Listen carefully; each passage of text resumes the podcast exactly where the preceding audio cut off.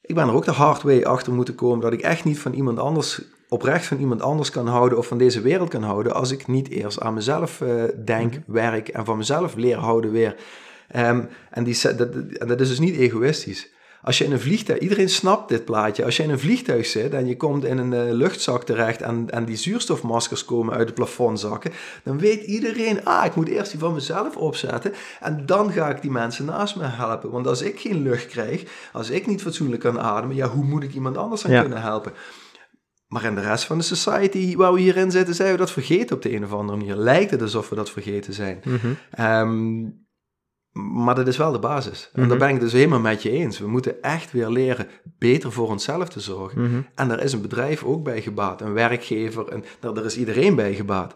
Want als ik goed voor mezelf zorg en kijk wat werkt voor mij, wat werkt niet voor mij, dan wordt deze wereld echt niet egoïstischer van, maar juist diverser en Ja, meer klopt. verbonden. En van daaruit kan ik beter voor anderen zorgen. Dus Mhm. het werk wat ik nu doe, als, als, ja, als je het coach wil noemen, noem het coach, maar in het begeleiden van mensen met zichzelf zijn, dat kan ik ook alleen maar nu doen, omdat ik eerst met mijn eigen shit aan de gang gegaan ben. Mhm.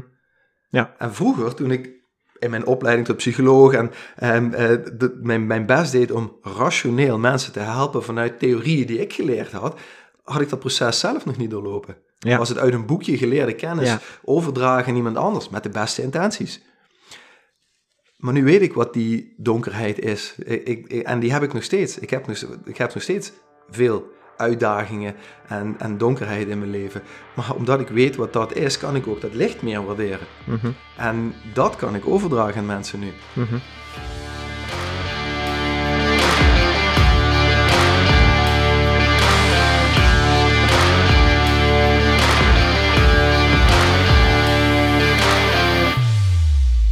Welkom terug iedereen. Ik zocht en vond voor aflevering 25 Nederlandse gezelligheid en eerlijkheid. Veel meer dan dat ik op voorhand had durven denken, werd het een aflevering die mij als mens heeft doen groeien. Uiteraard gaat het zoals altijd over mensen. Vandaag alleen een beetje meer over Bart Scholtissen. Bart en ik hebben elkaar ondertussen al een aantal keren gesproken en dat blijft nooit bij een korte of vluchtige ontmoeting. Als ik hem hoor spreken, of dat nu tegen mij is of tegen een groep, dan zie ik zijn energie de kamer oplichten. Een extra legaal voordeel dat wel vaker terugkomt bij mensen die met stevige wortels in hun eigen leven staan. Hij doet gewoon wat hij wil doen. Ik durf bijna zeggen, hij doet nu eenmaal waarvoor hij hier bij ons is. Ooit was Bart neuropsycholoog en dokter aan de Universiteit van Maastricht. Dat is hij vandaag nog steeds, vermoed ik. Niemand kan zichzelf ontneuropsychologen. Gebeten door wetenschap en cijfers, helemaal ondergedompeld in een rationele wereld die alleen wetten omarmt als ze evidence-based zijn. Dat veranderde voor Bart in 2015. Ironisch genoeg ging hij dan niet meer de exacte wetenschappen, maar wel zijn toilet omarmen. Hij kwam volledig tot stilstand, zoals hij zelf eerlijk toegeeft, alle shit moest eruit. Hij was de storm geworden. Hij was altijd heel goed in het jongleren van verschillende taken, maar alle ballen viel plots op de grond. Sinds dat gedwongen huwelijk met zijn wc is er veel voor hem veranderd. Ik weet nog niet goed hoe ik het mag samenvatten. Is hij een nieuwe Bart geworden of is hij nu net veel meer de oude Bart geworden?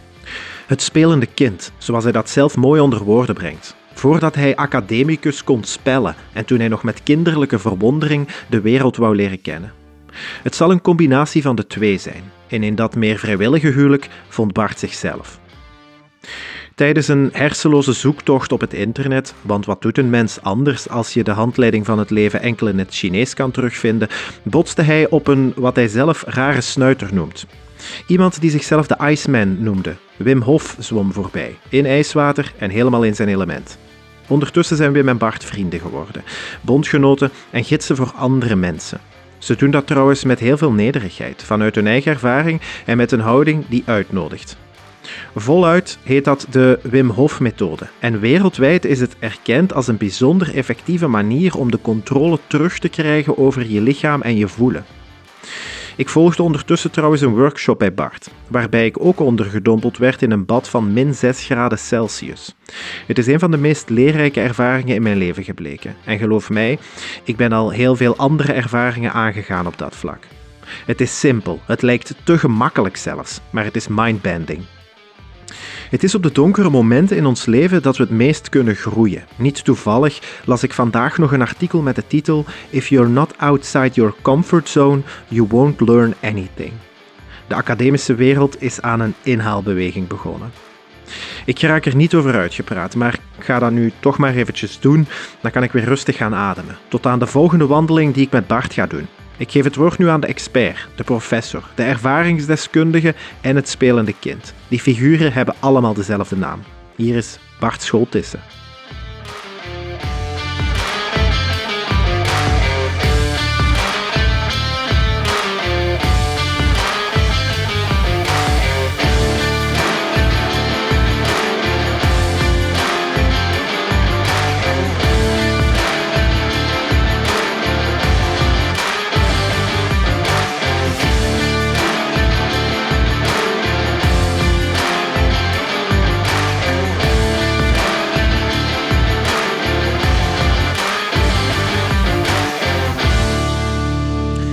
Heel goedemorgen Bart en welkom bij Over Mensen. Dankjewel. Um, de, de eerste vraag die ik altijd stel, en dan, dan is het ook een beetje uit de weg zo, Ja. eh, is of, eh, of dit eh, spannend is. Want ehm, ook jij hebt ervaring met podcasting en storytelling, hè? Klopt. Ehm, is dit spannend? Het is altijd een beetje spannend. Ja. Maar ik heb er ook ongelooflijk veel zin in. Ja, Dus ik zie die spanning, maar let's go for it. Let's dive in. oké. Ja. We hebben nu tegelijkertijd al aan een aantal mensen verklapt eh, dat, dat jij vanuit Nederland eh, naar, naar België gekomen bent, speciaal eh, voor deze opname, waarvoor Ja, dank ook. Ja. Ehm, ja, pro- probeer eens zo samen te vatten, ehm, want ik vind het zelf heel moeilijk om je zo in één term samen te vatten. ja. De, zo de dingen waarmee dat je bezig bent. En, In één term, dat vind ik misschien ook wel moeilijk. Een, een continue eh, beweging van energie of zo. Zoiets. Oké. Ehm, ja, dat, dat is denk ik wat ik ben. Ehm, maar dan zit ik ook nog in een fysiek lichaam. En dan is mijn naam ook nog Bart. En ja, ik ben Nederlands inderdaad. Ehm, maar ik woon op planeet Aarde. Mhm. Dat lijkt me ook belangrijk. Want die, die grenzen, daar hadden we in de voorbespreking al een beetje over. Ja, dat zijn dingen die hebben mensen bedacht. En eh, ik ben heel erg met de natuur bezig. Ik ben van opleiding ben ik neuropsycholoog. Dus ik heb jarenlang in de academische wereld gewerkt. Ben daar ook ooit in gepromoveerd. Ehm, dan, krijg je een dokterstitel en eh, ja, interessante dingen geleerd. En uiteindelijk ehm, mezelf een, ehm, een burn-out cadeau gedaan in eh, 2014 ongeveer. En daarin mezelf de noodzaak gegeven om me weer ui- heruit te vinden, als het ware. En er meer achter te komen, ja, wat ben ik nou echt? Wat ben- waarom ben ik nou hier? En van daaruit ben ik mijn eigen bedrijf begonnen. Want ik kwam erachter dat, dat ja, een van de redenen waarom ik hier ben, is om mensen te helpen zichzelf te zijn. Ehm, op mijn eigen zoektocht naar wie ben ik dan en wat, wat, mag ik zelf dan zijn? Wat is, wat is mijn rol hier? Nou, mijn rol is uitvinden wie ik zelf ben en andere mensen helpen met zichzelf zijn. En van daaruit ben ik mijn eigen bedrijf begonnen. En daar, eh, daar ben ik eigenlijk nog iets, steeds iedere dag eh, mee bezig. Met een, eh, met een kinderlijke verwondering en een open mind. Steeds meer open mind. En voorbijgaan aan limiterende gedachten en angsten en grenzen. Ehm, ja, en alles eh, voor de, e- zoveel mogelijk voor de eerste keer doen. Oké. Is niet in twee woorden, hè? Nee, nee het, zijn, het zijn er een paar meer, maar het is, het is absoluut toegestaan. La- laat ons misschien zo eerst eens naar zo dat, eh, dat eh, ehm, ja, beginverhaal, hè? Zo de, de origin story of, Ja. of Bart een beetje. Ehm, maar ik hoorde nu al zeggen, ik ben eigenlijk neuropsychiater van, van opleiding. Ja, Ja, en dat is een job die jij dan ook een, een lange tijd die heb met, ik heel erg lang gedaan, ja. met Ik, eh, eh, passie en overtuiging eh, gedaan Ja, ja, dat klopt, ja. Ja. Nou, ik ben, ik ben eigenlijk, ehm, van, jongs af aan ben ik al super, super leergierig mannetje geweest. Ik wilde Mhm. van alles weten, hoe het in elkaar zat en waarom dingen werken. Ik, ik, heb, ik heb heel veel waarom-vragen gesteld, Ja. onbewust, hè, in mijn jonge leven. Ehm, ik sloopte alles uit elkaar om te weten, bijvoorbeeld die koptelefoon die je op hebt. Ik Ja. nou, laat me dat ding maar eens openschroeven, dan kan ik aan de binnenkant zien hoe het eruit ziet, hoe het werkt. Ik wilde altijd leren, Eh, maar dat was een heel onbewust iets, maar het heeft er wel altijd in gezeten. En van daaruit ben ik uiteindelijk ook een keer psychologie gaan studeren. Ehm, omdat ik wilde weten hoe mensen in elkaar zitten. Ehm, en met het pakket, ik weet niet precies hoe dat hier in Vlaanderen gaat, maar in Nederland had je vroeger zoiets als pakketten op de middelbare school. En van daaruit kon je dan verder naar een universiteit om te studeren. Nou, de, de samenstelling van de vakken die ik op de middelbare school had, lieten het me niet toe om biologie te gaan studeren. Dus had ik de next best thing. En dat was psychologie. En dan de biologische variant ervan. Want daarin kon ik ook heel veel, dacht ik, leren over hoe zit een mens in elkaar? Hoe zit dat brein in elkaar? Hoe zit het lichaam in elkaar? Hoe werkt dit? Nou, dat, eh, daar, daar ben ik eh, met, met, uh, met, met open armen ingesprongen. Heb ik veel geleerd. Um, maar ben ik ook heel erg in mijn hoofd terechtgekomen. Mm -hmm. Ben ik een heel... Um, ja, een, een, een, een overrationeel mens geworden, mm -hmm. zeg maar. Wat mezelf gelimiteerd heeft. En van daaruit um, ben ik eigenlijk de verbinding met mijn lichaam kwijtgeraakt. Want het lichaam, weet ik nu, voelt en weet ook heel veel. Heel veel mensen in deze westerse wereld worden heel erg rationeel opgevoed en alleen maar denken, evidence-based. Dat is ook wat de wetenschap doet. Maar ik zie de wetenschap ondertussen als een onderdeel, een mooi onderdeel van alles, van het grotere geheel. Wetenschap ontstaat vanuit bewustzijn en bewustzijn ontstaat vanuit onbewustzijn. Het gros van de dingen die we doen, doen we onbewust. Um, nemen we, denken we dus niet over na. En die wetenschap is daar een soort 1% van of zoiets eigenlijk. Dus, uh, maar daar wordt wel heel veel waarde aan gehecht. En ik denk, ja, hmm, misschien er is meer, ben ik ondertussen achtergekomen. Dus dat is een beetje uh, ja, terug naar uh, de basis en, en mijn groei naar ja, dat wat er nu tegenover zit. Zeg ja, ja, ik vind het, ik vind het um, als ik u daarover vertellen, een, op zijn minst een interessante vaststelling die ik bij mezelf merk. Mm -hmm. um, omdat als ik u hoor zeggen, ik ben dan heel erg in, in mijn hoofd geraakt en, en, mhm. en heel rationeel geworden, um, terwijl dat, um, ja, misschien in een, in een maatschappij vandaag net een, net een meerwaarde is, of een, of een soort van patroon waar, waar mensen naar streven. Um, mm. Om alles te kunnen rationaliseren en om alles te kunnen nuanceren. En, maar, maar voor u voelde het ja, eigenlijk het omgekeerde. Het voelde, Op een gegeven moment wel. Het heeft heel erg lang, onbewust, heeft het, heeft het als een maatpak gevoeld. Hè? Heeft mhm. het gevoel van, nou weet je, dit is, dit is mijn ding. Dit is, dit is waarom ik hier ben. En uh, maar op een gegeven moment, ja, niet meer. Als ik het dan vergelijk met, met jong leren, hè, je houdt in je leven allerlei ballen in de lucht. En als je daar maar goed mee oefent, dan word je heel erg goed in jong leren. Maar op een gegeven moment ja, was ik dus een crack, een expert in, in jong leren met heel veel ballen. Mm Maar zag ik af en toe een bal vallen. En als er eentje valt, nou prima, weet je, dan pak je die op en dan jong leer je weer door. Maar op een gegeven moment ja, zag ik meerdere ballen vallen. En kon ik ze niet meer oppakken, kon ik ze niet meer in die flow van jong leren houden.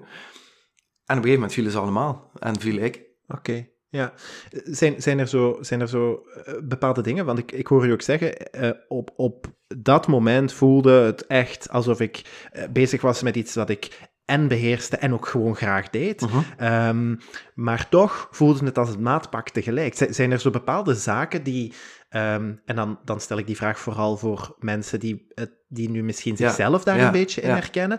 Um, zijn er zo zaken die um, achteraf gezien zo uh, waarschuwingslichtjes waren? Ja, ik snap de vraag, ja. Een hele goede vraag. En ik heb denk ik heel erg lang, met de beste intentie, een bepaald plaatje voor mezelf waar willen hebben omdat ik mezelf dat zo aangeleerd had. De wereld waar ik in zat, de academische wereld waar ik in zat, uh, stimuleerde dat ook heel erg. En voor mij was dat de enige waarheid. Ik, en ik dacht ook dat mijn waarheid ook de waarheid van jou was en van iedereen om me heen was. Nou, dat bleek niet zo te zijn. Ik kwam dus wrijving en weerstand tegen van mensen. Ja, maar Bart, uh, nee. Hoezo nee? Want dit is zo goed is. Um, ja, en van daaruit kreeg ik, kreeg ik weerstand, kreeg ik vragen. En in eerste instantie zei mijn ego nog van... Hey, uh, uh, mag er trouwens gevloekt worden in deze podcast? Absoluut. Want dan ja, weet ik of ik op mijn woorden moet passen of niet. Uh, van, hey Bart, wat ben je nou aan het doen? En ik ja, fuck it, weg ermee. dit is wat ik moet doen. Oogklappen op en door. Um, maar ja, ik kreeg steeds meer signalen van... Ja, maar klopt dit nu wel? Um, en vooral ook signalen van mijn lichaam. Als ik terugkijk, heeft mijn lichaam mij heel veel signalen gestuurd van... Hmm, een soort onpluis gevoel. Mhm. En ja, dat is, dat is dan energie. En dat is heel moeilijk evidence-based uit te leggen, maar ik neem aan dat de, de luisteraar het ook wel zal herkennen. Als je een ruimte inloopt waar je nog nooit geweest bent, en het, dan, dan kun je die ruimte inlopen en dan voel je je meteen at ease, op je plek. Oh, ja. wauw, lekker, lekker chille vibe, zeg maar. Hè? Het, het voelt goed. Of juist heel anders. Je loopt ergens naar binnen en denkt, hmm, wat is dit nou? Ik krijg je een beetje kippenvel van. Nou, dat. Um, dus dat gevoel, die energie van, nou, hier, hier klopt iets of hier klopt iets niet, dat was ik helemaal kwijtgeraakt, want ik was alleen met mijn gedachten. Mhm. Ik was, ik, ik was een soort wandelend hoofd, eh, in plaats van dat ik ook in tune was met, met die biochemische fabriek die er onder je hoofd hangt, je lichaam, die me allerlei signalen aan het zenden was. Hey, maar hier voel je je eigenlijk niet meer thuis, dit voelt niet meer goed, dit, dit is een te strak maatpak, dit, Mhm. dit limiteert je. Ja. Ehm, maar jij blijft het maar dragen, omdat je denkt dat je dat moet dragen, omdat je denkt dat je aan die verwachtingspatronen moet voldoen. Mhm. Ehm, want ik had een picture perfect life. Ja. Ik was eh, aan, aan de buitenkant, zag het er allemaal prachtig uit. Hè? Ge- Gepromoveerd, dus ik zat in de top 5% van, van academisch Nederland. eh, en en eh, getrouwd. ik hoefde nergens in principe over na te denken. Ja. Ehm, maar ik was ook mijn gedachten en ik was het gevoel eigenlijk kwijt. Het was een soort robot geworden. En Ja. uiteindelijk gaat je lichaam dus heel erg lang signalen eh, eh, richting, richting dat brein sturen van... Hé hey, motherfucker, word wakker. Er klopt hier iets niet. Ja. Wat wist ik niet. Maar op een gegeven moment trok het zo hard aan de noodrem dat ik het niet meer kon ontlopen of wegdenken. Ja. En moest ik er wel naar luisteren. Hoe, hoe heeft zich dat dan geuit? Ik werd ziek. Ja. Ja, Fysiek eh, ziek? Ja, fysiek ziek. Ja. Mijn, mijn, mijn lichaam stopte ermee. Ja. Er, eh, excusez le mot, maar er moest aan allerlei kanten shit uit. Dus ik Ja. ben anderhalf, twee weken ben ik met mijn toilet getrouwd geweest in plaats van met mijn partner. En Ja. ehm, ik kon niks meer. De energie was eruit. Hè? Dat, wat ik, het voorbeeld wat ik gaf, de metafoor van het jongleren. Ik zag alle ballen vallen en ze waren weg. Ik zag ze wegrollen. Ik kon, ik, ik, ik kon gewoon niet. Ik had de energie niet om ze nog te pakken, om erachteraan te gaan. Dat ging niet meer. Ehm, en ik wilde het niet waar hebben. Ja. Ik kan het me herinneren, het moment. En, eh, en daar naartoe lopend voelde ik me steeds slechter. Ik kwam steeds minder uit mijn vingers. Ik stapte 's ochtends in de auto. Ik ging naar de universiteit. Ik ging daar achter mijn laptop zitten. Ik kreeg gewoon de mails niet beantwoord. Ik, ik kan me heel goed herinneren hoe, hoe, hoe, de, hoe de gordijnen er daar uitzagen. Want daar heb ik heel veel naar zitten kijken. en, eh, maar, ik, dat, maar dat was het enige wat ik, wat ik gedaan kreeg. En maar, en maar, en me maar groot houden vanuit ego. Van, hey, weet je, ik, ik ben, eh, ik, ik ben hier het mannetje en eh, nee, ik heb het allemaal onder controle. Ik had het niet meer onder controle. Ik dacht dat ik allerlei dingen onder controle had. Maar ja, dat was niet zo. Nee. Ehm, dus moest er iets anders. En, en op een gegeven moment trok mijn lichaam zo hard aan de noodrem dat ik gewoon ook de energie niet meer had om naar het werk te gaan. Om, om, ik zag het leven opeens een- als een soort eh, ja, verhaal aan me voorbij trekken. En ik zat genageld aan de grond. Mhm. Letterlijk. Ehm, dat is ehm, misschien een beetje een, eh, een invasieve vraag, Mhm. ehm, maar ehm, voor, voordat dit alles gebeurde, Mhm. ehm, en ik denk nu vooral, jij bent iemand die van nature dingen graag vat, hè, zoals je daar straks ook zegt, zaken letterlijk uit elkaar draaien. Ja.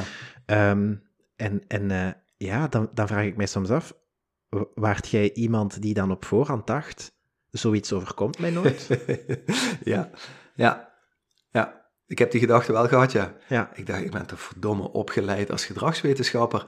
Dit gaat me echt niet gebeuren. Dit, want eh, nee, eh, nee, Ja. nee, uitroepteken. En toen zat ik er opeens in. Ja. En toen was ik flabbergasted, als het ware, door, door waar ik mezelf dus ingecreëerd had. Mhm. En kon ik er ook niet meer uitkomen op dat moment. Ja, niet meer op de manier zoals ik het dacht te kunnen doen. Ja. Toen kwam ik er ook achter van, wacht even, ik heb gedacht, dus ik ben die niet. Ik, eh, ik zit heel erg in mijn hoofd, maar dat moet ik los gaan laten. Ik moet dat, het continu willen kunnen verklaren, het continu eh, rationele verklaringen voor dingen ehm, hebben, dat, dat moet ik los gaan laten. Mhm. Er moet iets anders gebeuren. Ik moet echt, hè, zoals, Einstein zegt, je gaat, we gaan het probleem niet oplossen met dezelfde ingrediënten die het probleem veroorzaakt Ja. hebben. Er moest radicaal iets anders. Ja. Dus er werd door mijn lichaam radicaal aan de noodrem getrokken. Oké. En zo in, in die periode van dat, eh, ja, noem het, het, het gedwongen huwelijk met het, met het toilet. Ja. ehm, en, dan, en dan het moment van aanvaarding. Was het, was het eh, allee, wat uw academisch pad betrof, was het een full stop? Of, of is het, heeft het nog zo'n tijdje wat aangesputterd of gemodderd? Ik ben, ehm, ik ben naar, eh, toen, toen ik dus fysiek ziek ben geworden, toen heb ik mijn, eh, mijn toenmalige baas heb ik een mail geschreven. En eh, waarin ik hem uitlegde dat ik gewoon hele zware, ja, voor, voor, voor mijn gevoel een hele zware griep had of zoiets eigenlijk. Een hele zware buikgriep had. En, ehm, ik kan me het mailtje terug nog herinneren. Hij zei, maar ik heb, in mijn mail heb ik geschreven, ik ben, heel, ik ben fysiek gewoon heel erg ziek, maar ik heb het idee dat er meer aan de hand is. Ik heb het idee dat ik zit niet lekker in mijn vel. Ik wil daar graag een gesprek over, eh, we moeten het daarover hebben. Ik kreeg een mailtje terug waarin hij zei van, nou, ziek maar eerst even uit, dan zien we dan wel of het psychosomatisch is. Oké. Oké. Psychiaters onder elkaar. Ja, zo'n zo beetje, ja. Hij, hij, is, hij, is ook, hij is ook therapeut. En, uh, um, ja, maar ik voel me gewoon kloten. ik kon er niks anders van maken. En ik, ik, ik wil geholpen worden, maar ik heb echt no clue. Um, en toen ben ik naar de bedrijfsarts gegaan uit eigen beweging. Heb ik mijn verhaal gedaan. En toen zei hij van... Ja, Bart, het is goed dat je hier nu bent en niet over een maand of twee, want er was waarschijnlijk helemaal niet meer binnengekomen dit is een hele flinke burn-out. En dan gaan we nu wat aan doen. En ik dacht, ja, daar heb ik geen tijd voor. Dat kan niet. ik heb goals, ik heb targets en deadlines en ik moet mails beantwoorden. En, uh, en ik wilde heel, ik zat nog heel erg in mijn hoofd in die race van moeten, moeten, moeten, moeten, moeten.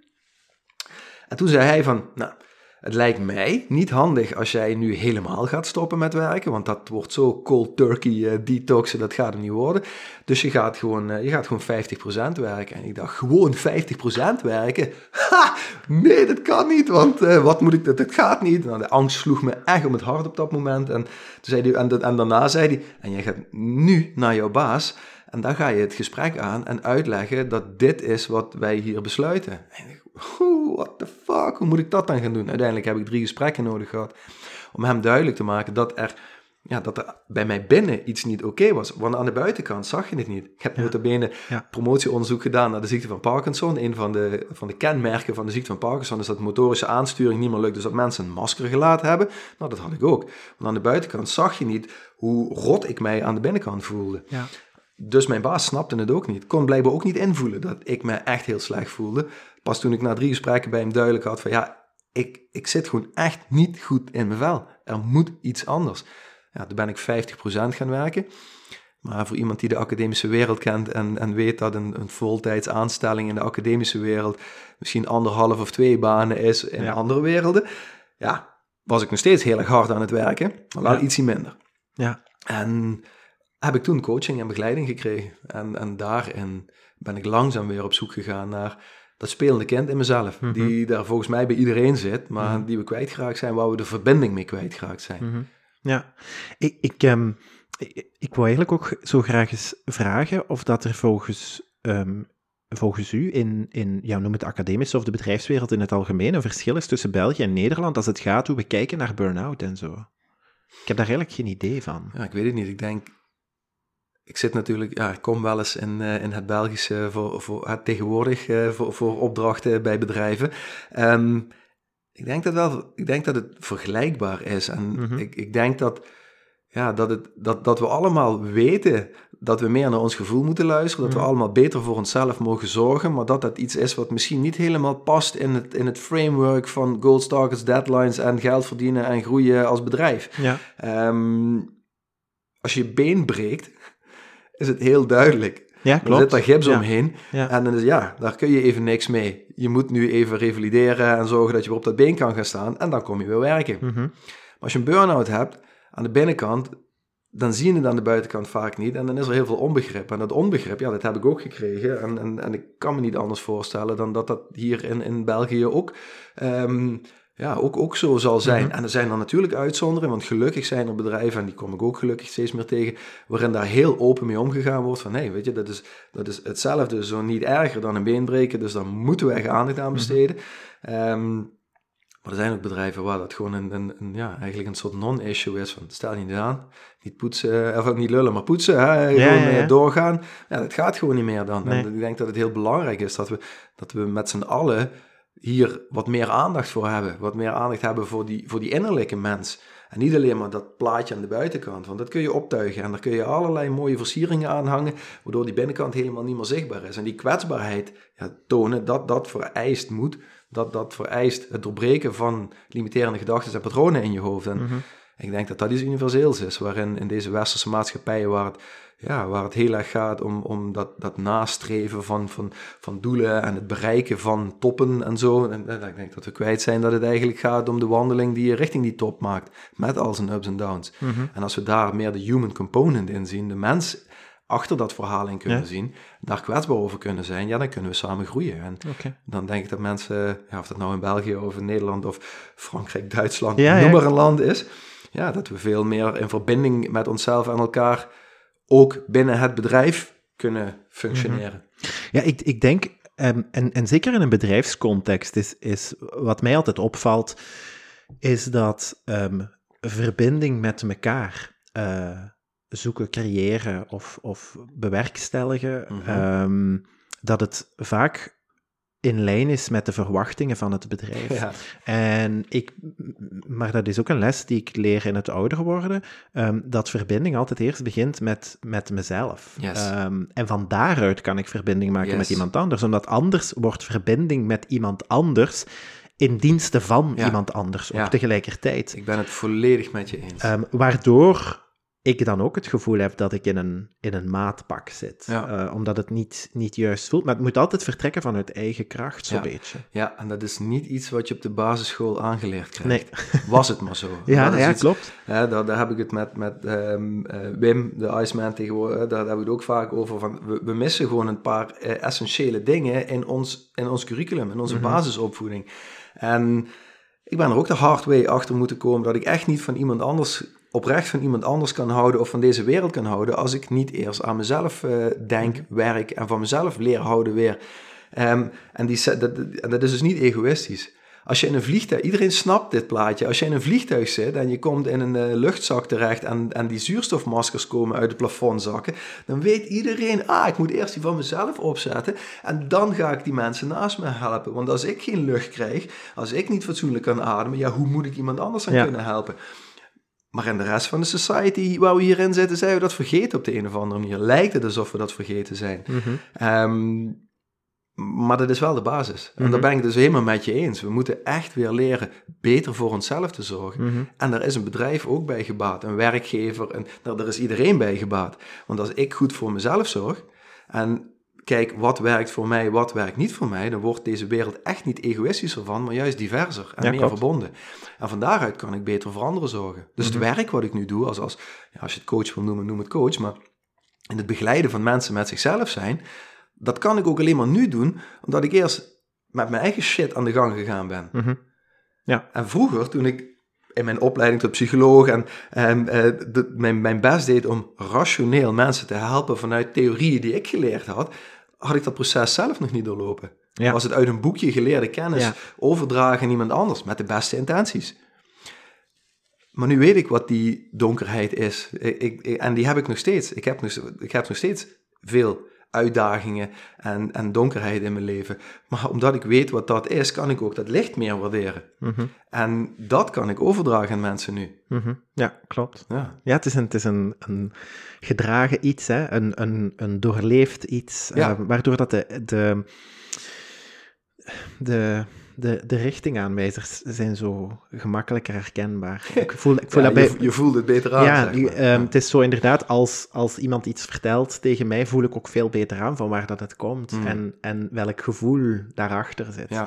Ehm, dat is een beetje het verschil. En ik, ik, ik merk dat ook altijd op. Hè. Ehm, als iemand een gevoel deelt, we zijn dan heel gemakkelijk. eh, in, in onze reactie zeggen wij dan bijvoorbeeld heel gemakkelijk: Ik, ik, ik begrijp wat je voelt. Maar dat, dat is niet zo. Nee. Eh, en ehm, ik, als ik mijn gevoel deel met iemand en iemand zegt: Ja, eh, ik, ik begrijp wat je voelt, vind ik zelf ook. eh, staat zo haaks op verbinding. Omdat ik denk: Mhm. Ja, nee, dat is, dat is super moeilijk. Ja, is het ook. En, en, en dat is dus iets wat ik mezelf heb moeten ontleren om, om dat soort dingen te zeggen. Ja. Want, want vanuit de, de psychologie zijn dit wel dingen die je, die je meekrijgt. van, Ja, ja, klopt. Ah, als iemand, dus als je iemand ziet huilen aan de overkant van de tafel, dan, dan geef je een gevoelsreflectie of zo. En dan kun je bijvoorbeeld zeggen, ja, ik, snap- ik zie dat het je raakt, ik zie dat het moeilijk is, of ik snap dat het moeilijk is. Nee, dat kan ik niet snappen. Tenzij ik het zelf meegemaakt heb. Dan kan ik mijn versie snappen. Ja. En daarom dat ik tegenwoordig ook heel vaak zeg tegen mensen van, weet je, als ik een lezing geef of whatever, geloof niks van wat ik denk. Of waarvan ik zeg. Want dit zijn mijn, dit is mijn Ja, kijk voilà. op dingen. Hè? Ja. En, ehm, en ja, ik heb dingen doorleefd, maar die heb ik op mijn manier doorleefd. Mhm. Dus ik kan me misschien wel beter verplaatsen in iets wat jij doorleefd hebt. Als we een common ground hebben, als we iets, iets hebben wat, wat, wat we delen. Maar dan heb jij het nog steeds op jouw manier doorleven en ik op mijn manier doorleven. Ik ben al een stukje dichterbij gekomen in de first-hand experiences die ik in het leven gehad heb. Mhm. En die kan ik gebruiken. Beter dan het uit een boek halen. Ehm, ja, dan nog steeds is het jouw ding. Ja, klopt. En kan ik me alleen maar openstellen om zo empathisch mogelijk om te gaan met dat wat jij mij, met mij wil delen daarover. Ja, klopt. Maar dat is niet iets wat je, eh, wat, je volgens mij standaard aangeleerd krijgt. hier. Nee, nee. Oh, eh, ehm, ik heb het u al horen aanhalen, Bart. Eh, Mhm. de term, ehm, en ik, ik, ook in de voorbespreking eh, viel het mij op, ehm, zo het, het, het eh, leergierige kind, Ja. dat is niet de juiste term, hè? Spelende kind. Het spelende kind. Ehm, ik vind dat ook wel een belangrijk aspect in alles wat te maken heeft met eh, onszelf een beetje leren kennen. Mhm. Ehm, omdat, en, en het is allee, een, een hele tijd geleden hebben wij eh, elkaar via, via Zoom eh, ontmoet. En eh, ik hoorde nu dan ook zeggen, het spelende kind. Het is een term die ik zo af en toe wel eens ergens oppik en die blijft altijd terugkomen. Maar hoe, hoe langer ik daarover nadenk, is voor mij het spelende kind, en dat is mijn definitie daar nu van, die ik, die ik even wil, wil aftoetsen bij u. Dat is het gevoel dat ik heb bij ehm, iemand zegt iets tegen mij of iemand doet iets tegen mij of ehm, ik, ik kom iets tegen of ik ervaar iets. Dat is het, het eerste stemmetje dat in mij opkomt. Mhm. Het, eh, het geïnteresseerde, geprikkelde, Mhm. nieuwsgierige, leergierige eh, stemmetje zo. Mhm. En dan is er een, eh, ja, noem het een luidere stem, die dat, die dat zo gaat overtreffen. En zeggen, dit is niet Hm. eh, zoals, zoals wij dat doen, eh, volwassen mensen of weet ik veel. Ja. Is, het zit, allebei die stemmen zitten uiteindelijk in mijn hoofd. En, Ja. en ehm, het ene is zo het superrationele. Ja. Ehm, maar ik probeer daar wel een beetje mee te experimenteren om zo, ja inderdaad, wat, wat, wil ik eigenlijk? Z- zit, ik, zit ik dan een beetje juist wat. Ja, betreft maar- het spelende kind? Wat, wat mij betreft wel, inderdaad. Want, weet je, Pipi Langkous, die zegt altijd... Ik heb het nog nooit gedaan, dus ik denk dat ik het wel kan. Of ik voel dat ik het wel kan. En ik vind dat een prachtige quote... die wij als volwassen mens kwijtgeraakt zijn. Vanuit een angst, vanuit limiterende gedachten. En dus die twee stemmen die jij beschrijft... de een van... Er komt iets nieuws op je pad en je denkt van... Oeh, spannend, let's see... En dan heb je meteen een, die luidere stem die je beschrijft eroverheen van nee, nee, nee, nee, nee, nee, nee, nee, nee, foei. Dat is niet hoe we het doen hier. Ehm, ja, dat is ratio en ego. Ja, Maar die gut feeling, dat spelende kind, dat wat diep van binnen zegt van ja, dit is cool. Ik vind het wel spannend. Ik vind het heel spannend. maar wow, dit is gaaf. Ja, nou ja, dat, dat is, dat is wat, wat wij zijn, denk ik. Ja. En we hebben, en dat is zeg maar homo ludens, de lachende mens. En we hebben daar overheen homo sapiens, of sapiens, de denkende mens, eh, gecreëerd. Maar dat is niet wat we zijn. mhm, Dat is een rol die we kunnen spelen. mhm. Ehm, dus hoe meer wij weer terug, en we hoeven het niet weg te gooien, geen van beide weg te gooien, maar ik denk dat het gaat om de balans tussen die twee. Jouw spelende kind weer zien en voelen, dat uit kwetsbaarheid meer delen. En daardoor, ja, dan stoot je hoofd wel eens, dan loop je wel eens ergens tegenaan. Maar ja, dat doen kinderen ook. Weet je? En, dan, en dan, dan, dan klimmen ze in een boom en dan vallen ze eruit en dan zeggen ze au. En dan doen ze zich pijn en dan staan ze op en gaan ze verder. Tenzij wij er aandacht aan besteden van, oh, wat ben jij arm en zielig en dit is, oh, dat is heftig. Ja, dan ga je dus aandacht aan iets negatiefs besteden, dat vallen, terwijl het kind eigenlijk helemaal oké is. Hij heeft zich misschien een, een schram op zijn been of whatever, Ja. maar is oké. Lichaam weet wat het ermee moet doen. Helen, oplossen, weer balans creëren. Maar wij geven, hebben onszelf aangeleerd om zo overmatig veel aandacht te geven aan die tweede stem, aan, aan, de, aan die ratio, dat ego van nee, nee, nee, dit is niet goed, eh, of oh, dit is zielig en daar moeten we aandacht aan besteden. Dat we gewoon kwijt zijn dat wij super, super veerkrachtig zijn als spelend kind als we dingen steeds benaderen alsof het de eerste keer is. Mhm.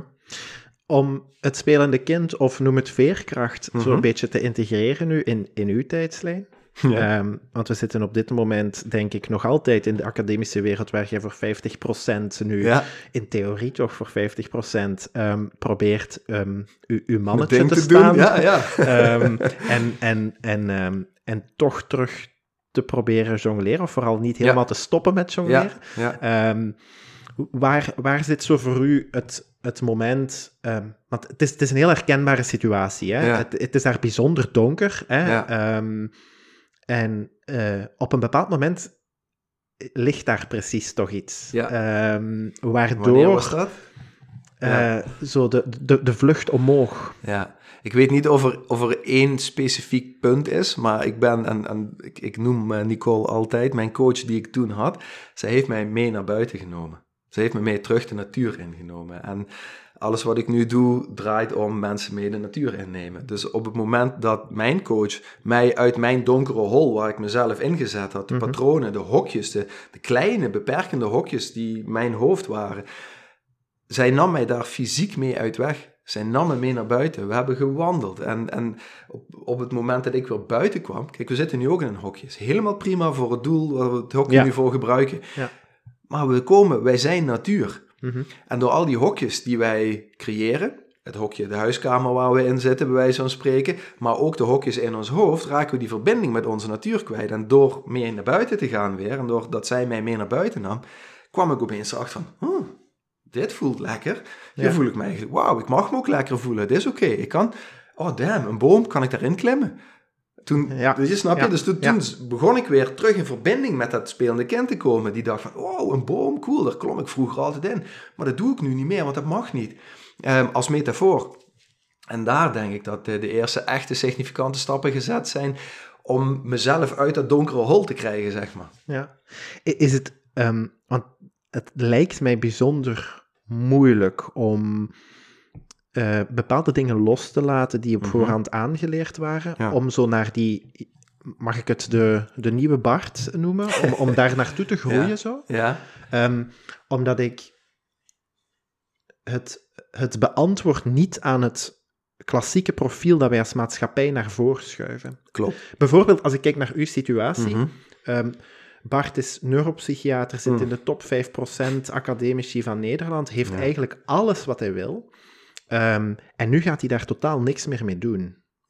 Er is niet niks meer mee doen. Ja, en ik, bedoel, ik snap het. ik bedoel eh, ook, ook een beetje als, als metafoor. Ja. Ehm, de, de man die het gemaakt heeft, Ja. hè, ik, en ik, ik blijf in tra- traditionele clichés spreken, Ja, ik snap het. gaat, gaat nu iets helemaal anders doen. Ja, dat, is, dat is ook heel erg loslaten. ja.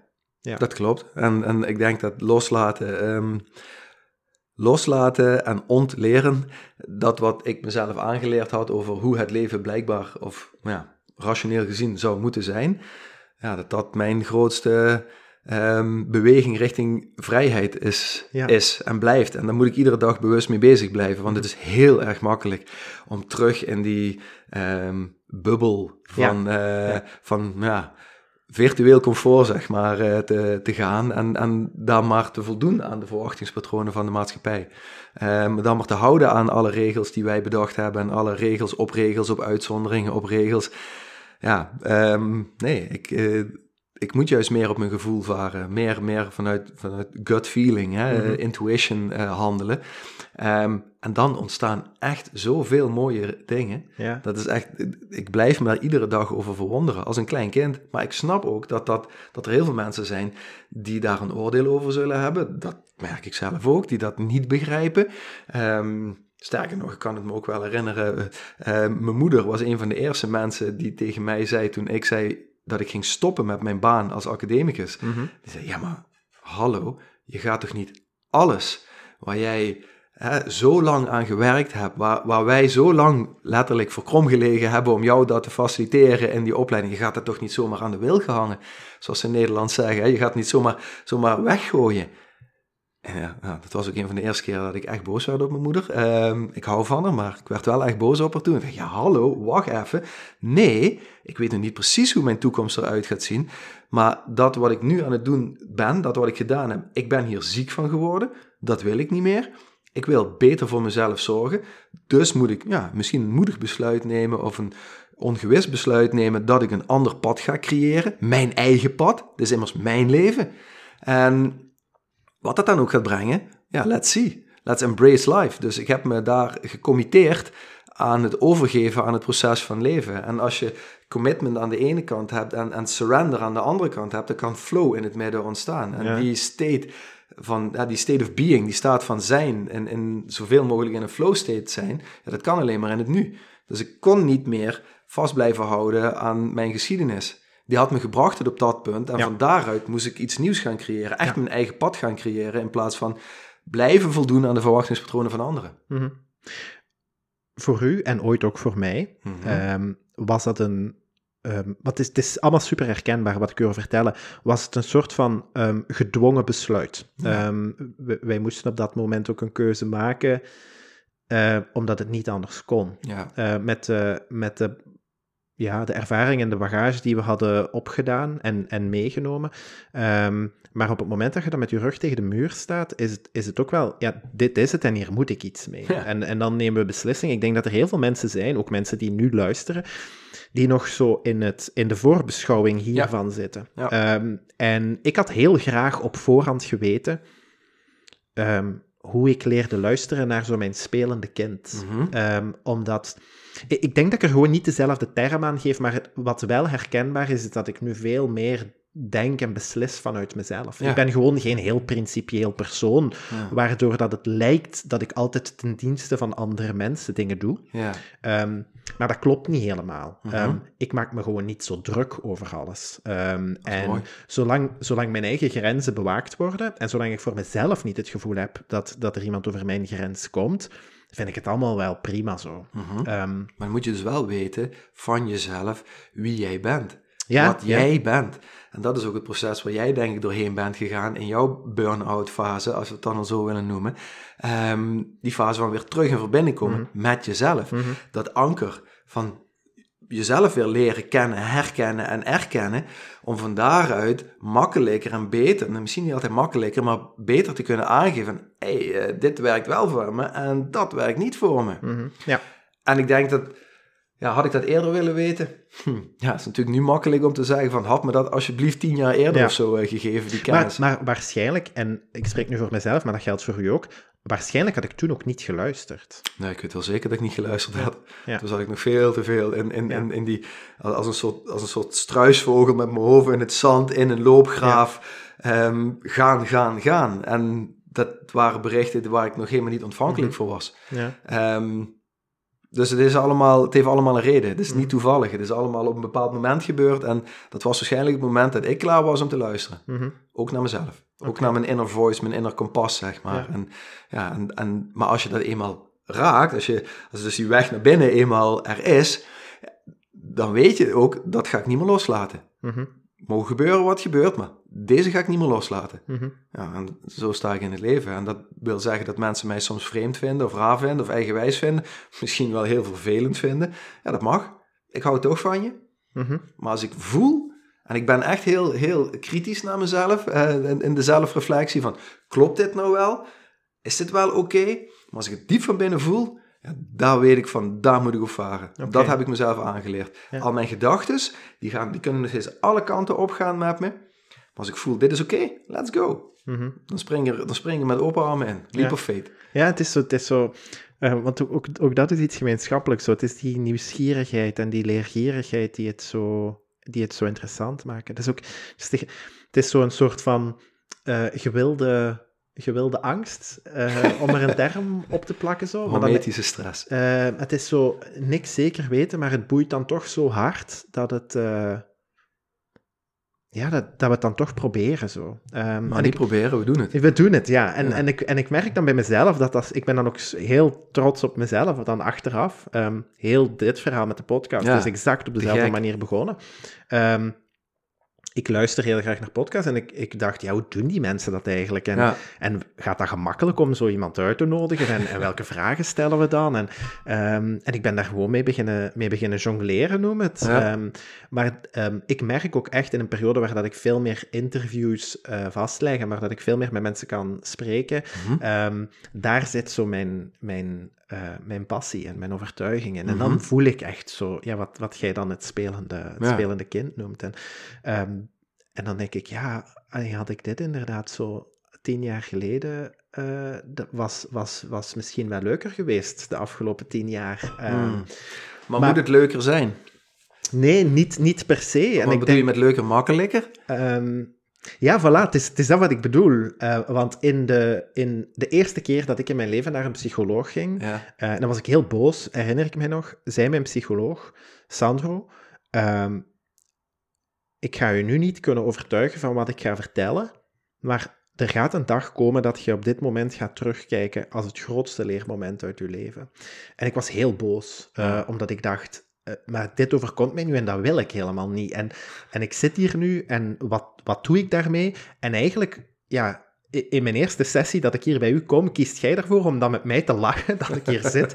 Ehm, en ik kreeg het zo ook niet uitgelegd. Maar ze heeft absoluut gelijk. Hmm. Eh, ze heeft absoluut gelijk. En ik denk ook dat, dat groeien alleen maar kan door discomfort op te zoeken. Ja, ja uh, en, helemaal mee eens. Ja. Maar dat, we hebben daar een keus in. En dat zie ik nu. Dus ja, even kijken, hoe, moet je, hoe, hoe wil ik dit uitleggen? Ik denk dat we heel vaak geleefd worden en niet zien dat we die keuze hebben. We zitten, het stormt altijd. Zo omschrijf ik het wel eens. Maar we hebben een keuze om het oog in de storm te zijn. En in het oog van de storm is het vaak een stuk windstiller. Ja, klopt. En heb je meer overzicht en kun je bewuster kiezen. Ah, met dat stukje storm wil ik iets doen, maar met dat stukje storm wil ik op dit moment niks doen. En dat was ik helemaal kwijt. Ik was de storm. Ik was mijn gedachten. Ik was de emoties die ik aan mijn gedachten koppelde. Ik was de, ik was de verwachtingspatronen van die ik had over anderen, over hoe ik me zou moeten verdra uh, verdragen naar anderen. Jezus man, uh, nou, kan het complexer? Mm en, en vandaar, door daaruit te stappen, door weer terug in contact met mezelf te komen en gewoon te voelen van, ja maar, wil ik dit nu eigenlijk wel? De rust te bewaren? Oh, wacht even, back up. Niet zo snel snelheid eruit halen. In het huidige moment, nu hier zijn en van daaruit een keus maken. Dus we hebben die keus om mee te gaan in gekkigheid en gedachten en whatever. Maar we hebben die keus. Mhm. Dus we kunnen ervoor kiezen om ja, ik doe dit nu, ik spring erin, of nee, ik doe dit nu nog niet. En dat is oké. Hoe, hoe, helpen we mensen, zo, voor, voor mensen die luisteren naar Bart, hoe, hoe mhm. helpen we mensen die uh, zodat spelende kind in zichzelf misschien niet per se ontdekken, want ik denk dat iedereen wel weet waar dat het over gaat. Ja. Of het, het is herkenbaar. Ja. Uh, maar hoe, hoe leren we daar naar luisteren? Uh, uit het hoofd komen. Ja. ja. Uh, stapje voor stapje, en er zijn meerdere, kunnen we het over hebben dadelijk, er zijn meerdere manieren, maar stapje voor stapje uit je hoofd komen, uit dat rationele proces komen. Mm -hmm. we, we, denken te veel. We, we, echt, we, zijn, we zijn te grote denkmachines geworden. Terwijl ons lichaam ongelooflijk veel kennis heeft. Ons natuurlijk, ons, ons, uh, ons natuurlijke ruimteschip, zeg maar, waar we, waar we in reizen, het lichaam, ja, dat, dat, dat weet ook heel veel. De mhm. natuur weet ook heel veel. En als ik dan terugkijk naar dat moment waarop mijn coach, mijn begeleider mij mee naar buiten nam en waarop ik weer met, met mijn voet in de modder stond, dacht ik van, wow, wat is dit nou? Ik ging wat dingen voelen. Ik kwam uit mijn hoofd. Ik kwam uit, dat, uit die, zeg maar, die autostrada van gedachtes uh, en dat is ook wat je met mediteren aanleert, mindfulness cursussen. En dat is waarschijnlijk ook waarom die allemaal zo enorm populair zijn op dit moment. Um, zingeving is niet, wat mij betreft, niet altijd alleen uber rationeel. Nee, we moeten uit dat denkproces komen. We moeten zien dat we gedachten hebben en niet zijn. Mhm. Dat we daar een keuze hebben. Dus, en wat je daar dan ook voor doet om uit het hoofd te komen, doe het. Het zou heel, wat, wat bij mij heel vaak werkt is, in een ijsbad gaan zitten. Nou, dan kan ik niet meer in mijn hoofd zitten, moet ik voelen. dan, moet ik, dan, moet ik, dan, dan moet ik accepteren dat ik in een koud bad zit. Of op mijn blote voeten ergens lopen. En dat doe ik ook heel vaak met klanten. Als ik ergens, um, uh, als ik ergens met mensen loop en ze zitten heel erg in het rationele proces en daar lopen ze zichzelf helemaal in vast, dan vraag ik ze om hun schoenen uit te doen. En om een stukje op blote voeten te lopen. Waar we ook ergens in het bos zijn. En de eerste reactie van mensen is dan dat ze me aankijken en denken, wat ben jij voor idioot? Zeg, nou ja, vertrouw, vertrouw je jezelf, vertrouw je mij? Uh, ja, oké, nou trek ze eens uit. En dan lopen we gewoon verder op blote voeten. Doen we, verder veranderen we niks. En wat ik dan zie gebeuren, is dat mensen met hun aandacht afgeleid worden van al die gedachteprocessen in hun hoofd, want ze moeten met hun aandacht naar hun voeten. Want ze gaan door op dezelfde snelheid waarop ze liepen toen ze nog schoenen aan hadden. En die schoenen zijn prachtig. Zorgen ervoor dat we niet na hoeven te denken of niet hoeven te voelen waar we lopen. En als je dat op blote voeten doet, dan ga je voeten pijn doen. En dat vinden mensen niet leuk. Dus dan komen ze opeens met hun aandacht, komen ze uit het kopje en zitten ze met alle aandacht in hun tenen. Ja. Ja. En dan gaan ze ook nog zeggen van, oh damn, dit, oh, dat doet pijn. Ik voel koud, ik voel whatever. Hè. Ik voel, ik zeg, dat is mooi hè. Je voelt iets. Je bent er niet over na aan denken hier, je voelt iets. En fysiek gezien kan ik mensen niet verder uit hun hoofd krijgen dan in hun tenen. De andere uiterst zijn van, van het lichaam. Ja. En dan gaat de snelheid eruit. Want ja, op diezelfde snelheid op een kiezelpad bijvoorbeeld uh, doorlopen, dat gaat heel veel pijn doen. Mhm. Dan gaan mensen bewuster lopen. Dan voelen ze opeens wat er met hun ademhaling gebeurt. Die zat al hoog, maar die gaat misschien nog een beetje hoger. Nou, dan kan ik ze daar dingen in leren door meer verbonden, meer rustig, meer diep te ademen. En dan gaat de snelheid eruit, dan gaan ze stilstaan, dan komen de tranen, en dan komt het gevoel en dan kunnen ze een stukje helen in hun proces van alleen maar dat, dat rationele mens zijn. Mhm. Ja, het is, een, het is een beetje een filter hè, die daar zo uit moet. Ehm, ik weet niet of dat uit moet de juiste uitdrukking is. Ehm, maar als ik zo naar mezelf kijk, is dat ook iets dat ik herken. Het, het overrationele zorgt ervoor dat het emotionele zo diep opgeborgen blijft. Ja. Ehm, maar het emotionele heeft die uh, lelijke, maar zeer noodzakelijke gewoonte om, om toch zijn weg naar de oppervlakte te vinden, hm. zoals, zoals water dat ook doet. Um, dus in plaats van uh, en dat is ook een les die ik op de harde manier heb moeten leren. In plaats van het uh, weg te blijven slikken of naar beneden te blijven duwen, is het net heel zinvol en heelzaam om uh, er zo dicht mogelijk tegen te gaan staan. Het omarmen misschien. Ja. En dat is wat Wim me geleerd heeft, de Iceman. Ik was, als, als we de metafoor van de kou erbij nemen, ik was, ik was bang voor kou. Ik was die jongen die in de winter een thermo-ondergoed aan had en een dikke trui en een dikke jas en dan lekker naar buiten ging. Ja, nu zit ik wel eens in mijn zwembroek in heel koud water in de winter en ben ik oké. Ehm, maar heb ik die angst voor die kou leren omarmen? En dat is ook, dat is ook wat, wat Wim mensen aanleert. Weet je? Als je die angst ziet, ren er niet voor weg. Wat de meeste mensen doen. Mhm. Die zien hem ergens op een kilometer afstand, zien ze hem aankomen. Ah, dat vind ik spannend, daar wil ik niet naartoe. Dus woep, draaien ze om, zijn ze weg. Flight. Maar loop er nou eens heen. Kijk er eens naar, weet je. En, en bekijk dus met nieuwe ogen. Mm Omarm dat ding eens, wat die angst dan ook is. Mhm. En creëer een leermoment voor jezelf. Op het moment dat ik dat ben gaan doen, en zo doe ik mijn best om heel veel angstdingen in mijn leven uh, te benaderen, zie ik dat die angst helemaal niet zo heftig hoeft te zijn. Dus ga ik zitten met mijn demonen, zeg maar, en omarm ik ze, geef ik ze liefde. Mm wat het misschien wel het lastigste is, om, om dankbaar te zijn voor die negativiteit, um, om, om, om je demonen liefde te geven. En zijn ze oké? Is het oké? Kan ik een leermoment aan de andere kant eruit creëren? Mhm. En kan ik groeien? Ja, um, ik, ik, heb u, um, ik heb u al een aantal keren zo horen verwijzen of, of uh, Wim Hof horen aanduiden, toch? vertel eens hoe jullie elkaar eigenlijk hebben leren kennen. nou, ik zat in mijn burn-out. Mhm. en ik denk zoals veel mensen voor het eerst een keertje van Wim gehoord hebben, uh, zat, zat, ik YouTube-filmpjes te kijken. Uh, gewoon omdat ik me slecht voelde en ik niet wist wat ik beter moest doen. Dus dan ga je maar random googlen op YouTube en dan krijg je een hele hoop gekkigheid te zien. en een van, die, een van die rare dingen was een filmpje van een of andere wacko die langs ijsbergen zwom. En ik dacht, wat de hel is dit nou? Dit kan niet. Dus ik was een greenscreen aan het zoeken. Ik dacht, dit is erin gezet. En ja, bleek niet zo te zijn. Nou, ik wist niet wie dit was. Nou, die man bleek Wim Hof te heten. En uh, bleek ook nog Limburger te zijn. Dus we zijn niet zo ver van elkaar geboren.